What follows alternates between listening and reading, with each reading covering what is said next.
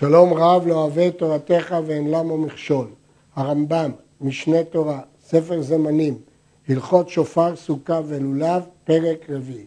בפרק זה אנחנו פותחים בהלכות סוכה. הפרק הראשון מהלכות סוכה עוסק בעניין דפנות הסוכה. שלושה דברים, שיעור הממדים של הדפנות, גובה, אורך ורוחב, הגדרת הדפנות, כמה דפנות צריכה, צריכה הסוכה, מהי צורתם ומה המרחקים ביניהם, חומרי הדפנות, מאילו חומרים יש לעשות את הדפנות. בהקדמתו לפירוש המשנה מביא הרמב"ם לדוגמה את ההלכות האלו כפירושים שפירש הקדוש ברוך הוא למשה בעל פה את מצוות סוכה. א', שיעור הסוכה, גובה, אין פחות מעשרה טפחים, ולא יתר על עשרים אמה, ורוחבה אין פחות משבעה טפחים על שבעה טפחים, ויש לו להוסיף ברוחבה אפילו כמה מילים. הייתה פחותה מעשרה, או משבעה על שבעה, או גבוהה על עשרים אמה כלשהו, הרי זו פסולה. העיקרון של סוכה שהיא דירת ארעי. מצד אחד דירה, כלומר צריך שתהיה ראויה לדירה, מצד שני לא דירת קבע, אלא דירת ארעי, ושאפשר יהיה לראות את הסכך ולדעת שבסוכות הושיב הקדוש ברוך הוא את בני ישראל. לפיכך, הגובה לא פחות מעשרה טפחים, כיוון שאם הוא יהיה פחות מעשרה טפחים, הרי שהיא לא ראויה לדירה, וגם פחות מעשרה טפחים, אין לזה שם דופן, אין לזה שם מחיצה. אבל כמובן יכול אה, לא פחות מעשרה טפחים, הוא יכול יותר, אבל לא יותר על עשרים אמה. בגמרא יש טעמים שונים מדוע לא יותר על עשרים אמה. הסיבה העיקרית שהיא נחשבת דירת קבע ולא דירת ארעי. ישנם טעמים אחרים גם, שהוא צריך לראות את הסכך וצל סכך ולא צל דפנות, אבל מדברי הרמב"ם בהמשך, משמע שהוא פוסק הטעם הזה, כדי שלא תהיה סוכה דירת קבע. ורוחבה, מינימום שבעה טפחים על שבעה טפחים. מאיפה הגיעו לשיעור הזה? אמרנו שכל השיעורים הלכה למשה מסיני, מה ההיגיון שלהם? כדי שיהיה ראשו ורובו ושולחנו. האדם שיושב באמה, אדם באמתא יתיב, שישה טפחים ועוד טפח השולחן, כדי שיוכל לאכול בסוכה. בהמשך נדון בדעת בית שמאי ובית הלל בעניין השולחן, אבל ברור ששבעת טפחים הוא כולל מקום לשולחן. ב. סוכה שאין לה שלוש דפנות, פסולה. היו לה שתי דפנות גמורות, זה בצד זה כמין גן, כלומר שתי דפנות שיוצרות זווית ביניהן. עושה דופן שיש ברוחבו יתר על טפח ומעמידו בפחות משלושה סמוך לאחד משתי הדפנות ודיו. ובכן, לומדים מהלכה למשה מסיני שהיא מיעטה את הדופן השלישית ואמרה שאפשר גם בשתי דפנות ושלישית אפילו טפח. אבל, אומר הרמב"ם, את הטפח הזה יעמיד במרחק של פחות משלושה מאחד הדפנות. מדוע? כדי שהטפח ועוד השלושה שיוצרים לבוד ייצרו שם דופן שהיא ארבעה טפחים. אז לכן נחשב כאילו יש שלוש דפנות. מוסיף הרמב"ם, וצריך לעשות לה צורת פתח, מפני שאין לה שלוש דפנות גמורות. כבר ביארנו בהלכות שבת שצורת פתח אמורה בכל מקום, אפילו קנה מכאן וקנה מכאן וקנה על גביהן, אף על פי שאינו מגיע להן. ובכן, כיוון שהדופן הזאת היא לא מושלמת, צריך לעשות לה גם צורת פתח. דהיינו, קנה מכאן וקנה מכאן וקנה מלמעלה, אפילו שלא נוגע, לכל אורך הדופן. צריך להדגיש שרבים חולקים על הרמב"ם ולא מצריכים במקרה הזה צורת פתח, זה תלוי בסוגיית הגמרא, אבל הרמב"ם מצריך גם בדופן הזאת צורת פתח. היו לה שתי דפנות, זה כנגד זה, וביניהן מפולש, כלומר, יש לה שתי דפנות, אבל שתי הדפנות לא יוצרות זווית ביניהן, אלא אחת מול השנייה, וביניהן מפולש, כמו מבוי מפולש. כאן אי אפשר להסתפק בפתרון שהצענו בהלכה הקודמת, אלא עושה דופן שיש ברוחבו ארבעה טפחים ומשהו, ומעמידו בפחות משלושה סמוך לאחת משתי הדפנות, הוא כשרה.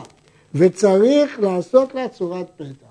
כאן הדרישה לא טפח אחד, אלא מחיצה של ארבעה טפחים ומשהו, שיעמיד אותה בפחות משלושה טפחים לאחד מן הדפנות, ואז יש לי כבר שבעה. המחיצה שהיא ארבעה ועוד שלושה טפחים. מדוע פה הדרישה יותר גדולה? כיוון שזה לא נראה כבית סגור, כי שתי הדפנות אחת מול השנייה, ולכן הדרישה היא יותר גדולה לגבי הדופן השלישי. גם כאן מצריך הרמב"ן צורת הפתח, והיינו קנה מכאן וקנה מכאן וקנה על גבי. קנים היוצאים משיחך הסוכה לפני הסוכה, ודופן אחת נמשכת עמהן, הרי הן כסוכה. כאשר בניתי סוכה של שלושה דפנות, והמשכתי דופן אחת לאורכה, והסכך ממשיך ומקרה עליה, למרות שהקטע החיצוני בעצם יש לו רק דופן אחת וסכך, רואים אותו כחלק מן הסוכה, כי הוא טפל לסוכה. לזה קוראת הגמרא פסל היוצא מן הסוכה ודינו כסוכה. ד' דפנות שהיו דבוקות בגג הסוכה ולא היו מגיעות לארץ, אם גבוהות מן הארץ שלושה טפחים פסולה, פחות מכאן כשרה. אסור שהדפנות יהיו גבוהות מן הארץ יותר משלושה טפחים, שזה שיעור לבוד. לא אומרים כאן מחיצה תלויה מטרת. המחיצה צריכה להגיע עד קרוב לשלושה בארץ. אני מזכיר שלמדנו בהלכות שבת שבמים התירו מחיצה תלויה, זה כולה מיוחדת במים, אבל בסוכה לא התירו מחיצה תלויה. עכשיו מקרה הפוך, היו הדפנות דבוקות בארץ ולא היו מגיעות לשיחה. אם גבוהות עשרה טפחים, אף על פי שהן רחוקות מן הגג כמה אמות, כשרה. ובלבד שיהיו הדפנות מכוונות תחת שפת הגג. ובכן, כאשר הוא התחיל את הדפנות בארץ, הן דבוקות בארץ, והגיע לגובה עשרה טפחים, יש לזה שם מחיצה. אבל הן לא מגיעות עד הגג. יש הפרש גדול של כמה אמות ביניהם, לא אכפת לי. מדוע? יש הלכה למשה מסיני, גוד אסיק מחיצתה. מה פירוש? גוד משוך, אסיק העלה, מחיצתה. בתנאי שיש מחיצה. כיוון שכאן יש מחיצה, אפשר למשוך ולהעלות אותה עד הגג. אבל הרמב"ם מתנה תנאי, ובלבד שהיו הדפנות מכוונות תחת שפת הגג. מה כוונת הרמב"ם? יש שפרשו שכוונתו שלא יהיו, לא יהיה מרחק בין הדפנות לגג יותר משלושה טפחים. את הדין הזה הרמב"ם אומר בהמשך, הרחיק את הגג מן הדופן שלושה טפחים, פסולה. פחות מכאן כשרה. הדפנות צריכות להיות סמוכות לגג, לא בגובה, ברוחב, מרחק של שלושה טפחים, לא יותר. יש אומרים שמה שדרשנו קודם שהדפנות יהיו מכוונות, הכוונה עד הגג ממש, שלא יהיה הפרש אפילו פחות משלושה טפחים. מדוע? במקרה רגיל שהמחיצות מגיעות עד למעלה, גם אם הן רחוקות מהגג, שני טפחים או שני טפחים ומחצה, כשר כי אומרים לבוד. אבל כשהשתמשנו בגוד אסיק, כשהיו מחיצות רק של עשרה טפחים, ומשכנו אותם בגלל הלכה למשה מסיני של גוד אסיק, לא אומרים שתי הלכות, גם גוד אסיק וגם לבוד. לכן כאן הן חייבות להגיע ממש מכוונות לשפת הגג. וזה חידוש שלא כולם מסכימים אליו. תלה מחיצה שגובה ארבעה ומשהו באמצע, בפחות משלושה סמוך לארץ ופחות משלושה סמוך לגג, הרי זו כשרה. כיוון שיש לבוד משני הצדדים ואומרים לבוד משני הצדדים, ולכן אנחנו רואים כאילו זה מחובר גם לארץ וגם לגג. העושה סוכתו בין האילנות, ואילנות דפנות, אם היו חזקים, או שקשר אותם וחיזק אותם עד שלא תהיה הרוח המחיצה המנידה אותם תמיד, ומילא בין האמירים בתבן ובקש כדי שלא תניד אותם הרוח, וקשר אותם, הרי זאת כשרה, שכל מחיצה שאינה יכולה לעמוד ברוח מצויה של היבשה, אינה מחיצה. ובכן, אדם יכול לעשות מחיצות באילנות, לאילנות יש גזעים ויש ענפים. את הגזעים הוא צריך לחזק כדי שלא ינודו ברוח, וגם את הענפים שבין הגזעים, לכאורה הם מתנודדים ברוח, ימלא את כל החלל בתמן וקש ויקשור היטב, ואז תהיה לו מחיצה שלמה של אילנות, שביניהם תבן וקש וענפים קשורים היטב, הם לא ינודו, ואז הם כשרים. מה הגדר שלא להניד ברוח מצויה? ההגדרה היא רוח מצויה של יבשה. זאת הדרישה שהמחיצה לא תעוף ברוח מצויה של יבשה. יש אומרים שלא רק שלא תעוף, אלא גם הרמב"ם דורש שלא תניד אותם הרוח. כמה? שלושה טפחים. אם הרוח תניד אותם שלושה טפחים, הרי הם כבר מורחקים מן הסכך שלושה טפחים והם פסולים. העושה סוכתו בראש העגלה או בראש הספינה, כשרה ועולים לה ביום טוב. בראש האילן או על גבי הגמל, כשרה ואין עולים לה ביום טוב. לפי שאסור לעלות באילן או על גבי בהמה. אם הסוכה נשענת על אילן, כדי להגיע אליה הוא זקוק לטפס באילן. אסור לטפס באילן ביום טוב. או על גבי גמל, אסור להשתמש במחובר ביום טוב. ולכן היא פסולה. אבל בראש העגלה או בראש הספינה, אם היא עומדת ברוח מצויה של יבשה, היא כשרה. המשך ההלכה. היו מקצת הדפנות עשויות בידי אדם, ומקצתן אילנות, רואים, כל שאילו ניטלו האילנות היא יכולה לעמוד בדפנות שבידי אדם, עולים לה באותו. אם חלק מהדפנות הם דפנות בידי אדם, וחלק הם אילנות, רואים, אם הסוכה יכולה לעמוד גם בלי האילנות, כשרה. יש להבין במה עוסק פה הרמב"ם. זאת משנה, שניים באדם ואחת באילה. הרבה פרשו שמדובר שסומך את קרקעית הסוכה על שתי מחיצות שעשויות בידי אדם, וכן סומך את הסוכה על האילן. אם הסוכה תיפול אם ייטול את האילן, היא נחשבת כעומדת על האילן ולא ניתן לעלות לה טוב. אבל אם היא לא תיפול אם יתלו את האילן, כשרה, כיוון שהוא לא נחוץ לעלות על האילן. הקושי בהסבר הזה, שכתוב דפנות ולא כתוב קרקעית הסוכה. יש אפשרות להבין שמדובר פה על דפנות ממש, וכך, והכוונה היא שאם לסוכה שתי דפנות אנושיות ודופן אחת מאילן, אין נכנסים אליה ביום טוב.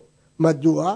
אומר רש"י כי דרכם הייתה להשתמש בסכך ולהניח עליו כלים, וכיוון שהסכך עומד רק מכוח הישענותו על האילן, הרי זה כמשתמש במחובר. זהו חידוש, הרמב"ם לא אומר את הדברים הללו כאן.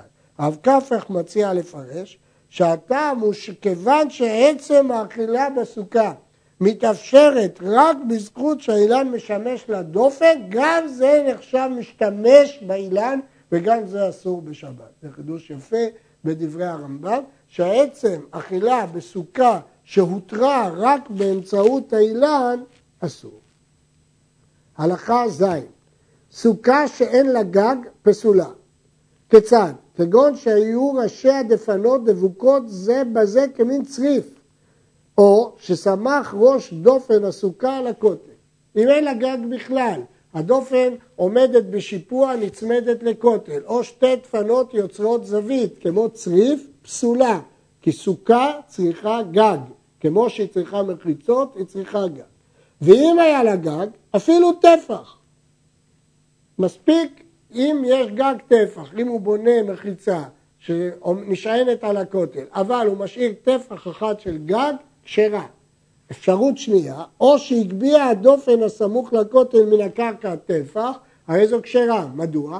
כי להגבהה אנחנו קוראים דופן, ולקטע הנשען אנחנו קוראים גג. כלומר, העיקר הוא שצריך יהיה להבחין בין דופן לבין גג. בין אם הדופן טפח וכל השאר גג, בין אם הגג טפח וכל השאר דופן, כשרה. נשים אל ליבנו שאם הגג טפח, הרי אמרנו שצריך יהיה רוחבה שבעה על שבעה טפחים. הפירוש של הרמב"ם הוא ששבעה על שבעה טפחים למטה, במקום הקרקעית, בישיבה, אבל הגג אין צורך שיהיה שבעה על שבעה. יש כאלה שאומרים שהסכך יחשב רק המקום שיש בו לרבע בו שבעה על שבעה, אבל לשון הרמב"ם לא כך, שמספיק טפח כדי לחשב לגן. שאלה שנייה היא, איפה הוא מניח את הסיכה? לכאורה, אם הוא מגביה מן הארץ טפח, אז כל הדופן צריכה להיות סכך, כי לכולה קראתי גג. לעומת זאת, אם הדופן משופט ויש רק גג טפח, אז מספיק רק טפח סיכה. זה דיון בפוסקים, הרמב"ם לא פירש את דעתו בזה. הוא מסתבר שרק בקטע שהוא קורא גג, שם צריך שכר. סוכה עגולה, אם יש בהיקפה כדי לרבע בה שבעה טפחים על שבעה טפחים, אף על פי שאין לה זווית, הרי זו כשרה. אין צורך שיהיה זוויות לסוכה, אבל צריך שהקרקע יהיה בה אה, שבעה טפחים על שבעה טפחים. סיכך על גבי אכסדרה שיש לה פצימין, בין שהיו נראים מבפנים והן נראים מבחוץ, בין שהיו נראים מבחוץ והן נראים מבפנים, כשרה. לא היו לה פצימים, פסולה, מפני שהיא סוכה עשויה כמבוי, שהרי אין לה אלא שני צידי אכסדרה, ואמצע האכסדרה אין בו כותל, ושכנגדו אין בו פצימים. נסביר. מהי אכסדרה? אכסדרה הוא מקום שיש לו שלושה כתלים ותקרה. המבנה הזה של שלוש מחיצות שעושים בכניסה לבית, חלקו מקורה וחלקו הוא ללא תקרה וממשיכות בו הדפנות. והוא מעוניין לסכך על גבי המשך הדפנות של האכסדרה. אם כן נמצא שיש לו סכך ושתי דפנות, כי החלק המקורה בתקרה לא מצטרף. איפה הדופן השלישית? אם יש לו פצימין שהם שני עמודים כהן מזוזות שער בקצה האכסדרה, אז יש לנו שתי דפנות, פצימין, עמודים, ופי תקרה יורד וסותם. הקצה של התקרה יש לו רוחב, רואים אותו כאילו יורד וסותם. אבל בלי פצימין לא אומרים פי תקרה יורד וסותם. מדוע? כי התקרה עשויה לחלק הפנימי ולא לחלק החיצון. אבל אם יש פצימין, מצרפים את פי התקרה עם הפצימין, ואז יורד וסותם. אבל אכסדרה שאין לה פצימין, יש לה רק שתי דפנות, אז אי אפשר להגיד שפי תקרה יורד וסותם. זהו הסבר המגיד משנה את הרמב"ם. לפי רש"י ותוספות ההסבר הוא אחר, שהפצימין הם עמודים שסמוכים אחד לשני ויוצרים דופן בצורה של אבוד, זהו פירוש אחר. הלכה י' סיכך על גבי מבוי שיש לו לחי, או על גבי באר שיש לה פסים, הרי זו כשרה לאותה שבת שבתוך החג בלבד. מתוך שלך מזהו פסים אלו מחיצות לעניין שבת, נחשוב אותן כמחיצות לעניין סוכה. יש כאן חידוש מעניין של הגמרא. למדנו בהלכות שבת שמבוי צריך לחי. לחי הוא עמוד שגובהו עשרה טפחים סמוך לפתח המבוי כדי שהמבוי ייחשב כסגור להתיר את הטלטול בשבת. שיהיו לו שלוש מחיצות ולחי. אם מסככים על מבוי כזה, ברור שהסוכה כשרה בכל מקרה, כי יש לו שלוש דפנות, וגם לחי, סוכה מספיק שלוש דפנות. אלא מדובר פה שיש רק שתי דפנות במבוי ולחי. אבל לפי הרמב"ם, מבוי צריך שלוש דפנות ולחי. מוכרחים לומר שיש אומנם שלוש דפנות ולחי, אבל הסכך לא מגיע לקצה הדפנות. כלומר שהסכך מונח רק על שתי דפנות ולא ממשיך עד הסוף. אז בפועל יש לנו פה שתי דפנות ולחי. אומר הרמב"ם, בשבת שבתוך חג הסוכות, הסוכה הזאת תהיה כשרה. מדוע? כיוון שחכמים התירו לטלטל במבוי כזה וקראו לו רשות היחיד, אי אפשר שתהיה סתירה בהלכה. כיוון שהתירו לטלטל בשבת כי קראת לו רשות היחיד, אתה חייב לקרוא לו דירה גם לענייני סוכה. אבל ביום חול רגיל לא, הוא לא כשר, כי יש רק שתי דפנות ולחי. אותו דבר באר שיש לה פסים. באר העומדת ברשות הרבים, החלו עליה דין שרשות אה, הרבים, הרי היא רשות היחיד, ומסביבה רשות הרבים, ואסור לדלות ממנה מים בשבת. תקנו חכמים להקיף אותה מארבע פינותיה בעמודים שלכל אחד שתי זוויות, שבכל אחת מהן יש אמה, ואז מן התורה המחיצה הזו כשרה, חכמים התירו להשתמש, לדלות מים לעולי רגלים. זהו היתר מיוחד. כיוון שהתירו בבאר כזאת לשאוב מים בשבת, החשיבו אותה לרשות היחיד, גם בשבת שבתוך החג היא כשרה. אמנם יש לשאול, הרי הסוכה הזאת כשרה רק לעולי רגלים, כך שואל התוספות, אבל מפשט לשון הרמב"ם משמע שכיוון שעקרונית התירו את הפסים של הבאר הזאת, אז גם בשבת שבתוך החג התירו לכולם. י"א נעץ ארבעה קונדסים על ארבע זוויות הגג וסיכך על גבן. הואיל והסיכוך על שפת הגג כשרה, ורואים את המחיצות התחתונות כאילו הן עולות למעלה על שפת הסיכוך. ובכן, מחיצות הבית, רואים אותן כאילו הן מטפסות, גוד אסיק וחיצתא, ואז יש עליהן סכך, כשרה. לכן מספיק לתקוע ארבעה עמודים בארבע קצות הגג, ארבעת הדפנות עולות בגוד הסיק ויש לי סוכה.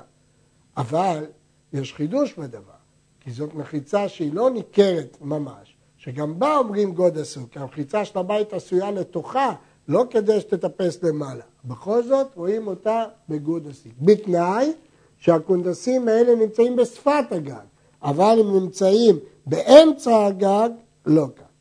הרב שואל שהגמרא נשארה בשאלה הזאת בספק, וספק דאורייתא לחומרא, אבל הרמב"ם גרס בגמרא שבשפת הגג אין מחלוקת וזאת גרסת הגאונים, ולכן בשפת הגג הסוכה כשרה.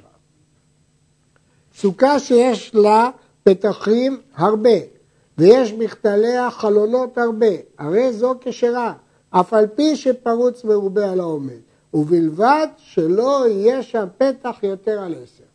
הדרישה היא שלא יהיה פתח יותר מעשר אמות, ואז לא אכפת לי שיש הרבה חלונות והרבה פתחים והפרוץ מרובה על העומד. אבל אם היה בפתח יותר על עשר, שלמרות שיש צורת הפתח, ולמרות שיש לו דין של פתח, אבל אסור שיהיה פרוץ מרובה על העומד. הרמב"ם מכשיר בפרוץ מרובה על העומד רק אם הפתחים לא יותר מעשר אמות. אבל אם הפתח הוא יותר מעשר אמות, אף על פי שיש לו צורת הפתח, הרמב"ם לא מכשיר אלא בעומד מרובה על הפרוץ. סוכה שאווירה גבוה מ-20 אמה.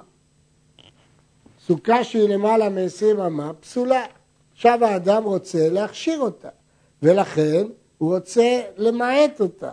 הוא רוצה למעט אותה מ-20 אמה.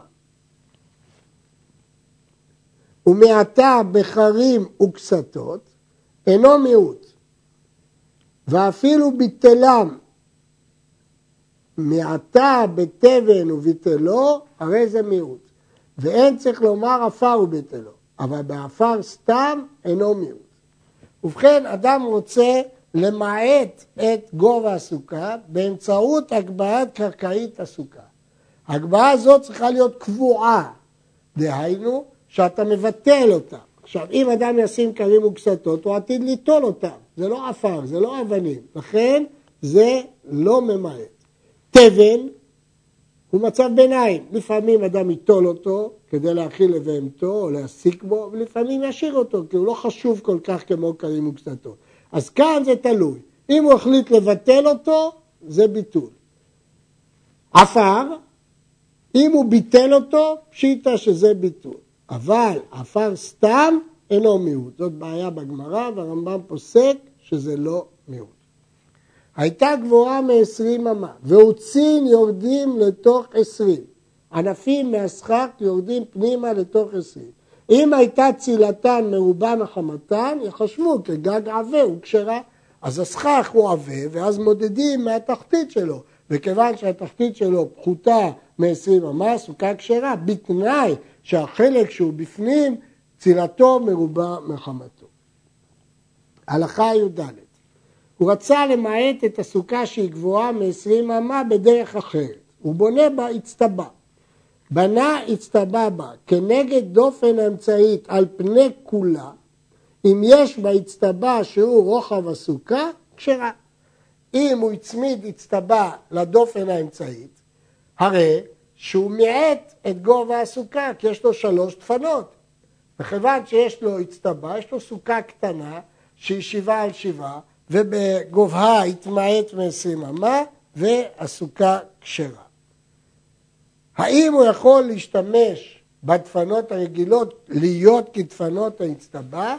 זה רק אם הדפנות אינן רחוקות ארבע אמות. הדין השני, אם בנה אצטבה מן הצד, הוא לא בנה אצטבה כנגד הדופן האמצעי, אלא בנה אותה מן הצד. איפה יהיו הדפנות שלה? אם יש משפת האצטבה ולכותל ארבע אמות, פסולה, כיוון שחסר לה דפנות. אי אפשר להחשיב את הדפנות לדפנות האצטבה כי הן רחוקות יותר מארבע אמות. פחות מארבע אמות כשרה. מדוע? אומרת הגמרא, רואים אותה כאילו דופן עקומה. מחשיבים את הדפנות כאילו מתחברות לדופן האצטבה. בנה אצטבה באמצעה, אם יש משפת אצטבה ולכותל ארבע אמות לכל רוח, פסולה. פחות מארבע אמות כשרה, כאילו המחיצות נוגעות באצטבה. כיוון שאנחנו אומרים דופן עקומה בפחות מארבע אמות, רואים את הדופן כאילו מתעקמת, ואז היא עומדת מול האצטבה, ואז לאצטבה יש ארבע דפנות. אפילו מארבעה צדדים אפשר לעשות את זה. והרי מצטבה לסיכוך פחות מעשרים. בנה בעמוד ויש בו הכשר סוכה פסולה, שאין אלו מחיצות הניכרות ונמצא על גב העמוד שכח כשר בלא דפנות. אם הוא בנה עמוד, לא הצטבה, הוא רחוק מן הדפנות, אי אפשר להשתמש בדפנות הסוכה, כי הוא רחוק מהם יותר מארבע עמוד. אבל הוא רוצה להשתמש בדפנות העמוד, העמוד הזה יש בו שבעה על שבעה ויש מעליו סכך, מדוע לא נחשיב אותו כסוכה קטנה? ואם תשאל איפה הדפנות, מדוע לא נחשיב את דפנות העמוד כאילו עולות עד לתקרה? תשובתך, כיוון שהעמוד סתום, אי אפשר להגיד גוד אסיק, כי אין מחיצות הניכרות. תשאלו, והרי במחיצות של בית אמרנו גוד אסיק?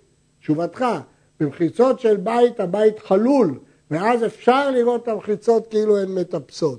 אבל בעמוד, העמוד הוא אטום, לא ניכרות כאן בכלל מחיצות. אי אפשר לעשות גוד הסיק כשהמחיצות אינן ניכרות.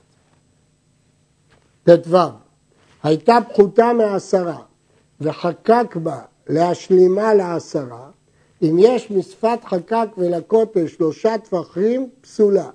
פחות מכאן, כשרה. שכל פחות משלושה הרי הוא כדבוק כמו שביארנו בהלכות שבת. כאן המקרה הוא הפוך, הסוכה היא נמוכה, פחות מעשרה טפחים, היא פסולה. הוא רוצה לחפור, להעמיק אותה. הוא חקק בה, אבל הוא לא חקק עד הכתלים, עד הדפנות. האם אפשר להחשיב את הדפנות? רק אם החקק, הבור הזה, סמוך לדפנות פחות משלושה טפחים. מדין לבוד אפשר להחשיב את דפנות הסוכה כאילו דפנות הבור והסוכה כשרה. אבל יותר משלושה טפחים לא. מדוע? כי אין דופן עקומה ברצפה. בגג איתרנו פחות מארבע אמות, כי רואים כאילו הדופן והגג מתעכבים והדופן היא עקומה. ברצפה אי אפשר לעשות את זה, ולכן ברצפה רק מדין שלושה טפחים מקשרה. אין דופן עקומה באוויר. דופן עקומה היא רק צירוף של דופן וסכך. לכן שם איתרנו בפחות מארבע אמות, אבל ברצפה איתרנו רק בפחות משלושה טפחים. דופני סוכה כשרים מן הכל, כל חומר כשר לעשות בו דפנות.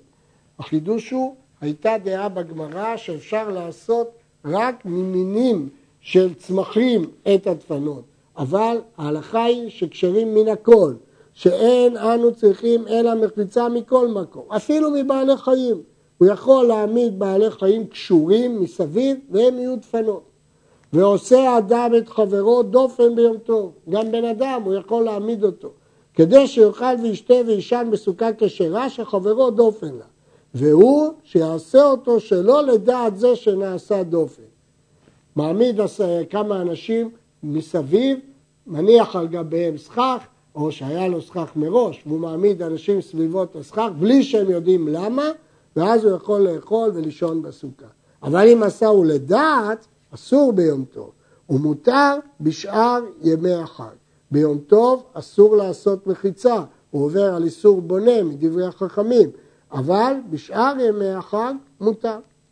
וכן עושה בכלים דופן רביעית ביום טוב. יש כלל, מותר להוסיף על אוהל, אוהל ארעי בשבת, זאת לא מחיצה מטרת, גם בלי הדופן הרביעית הסוכה מותרת.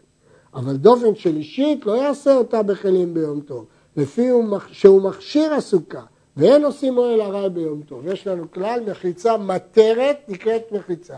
היות שהסוכה זקוקה לשלוש מחיצות, אז אם תבנה את המחיצה השלישית, גרמת לבניין אוהל ארעי, אסור. אבל אם יש כבר שלוש מחיצות, הסוכה כשרה. זה שאתה מוסיף דופן רביעית, זה נקרא תוספת לאוהל ארעי, שהוא כשר.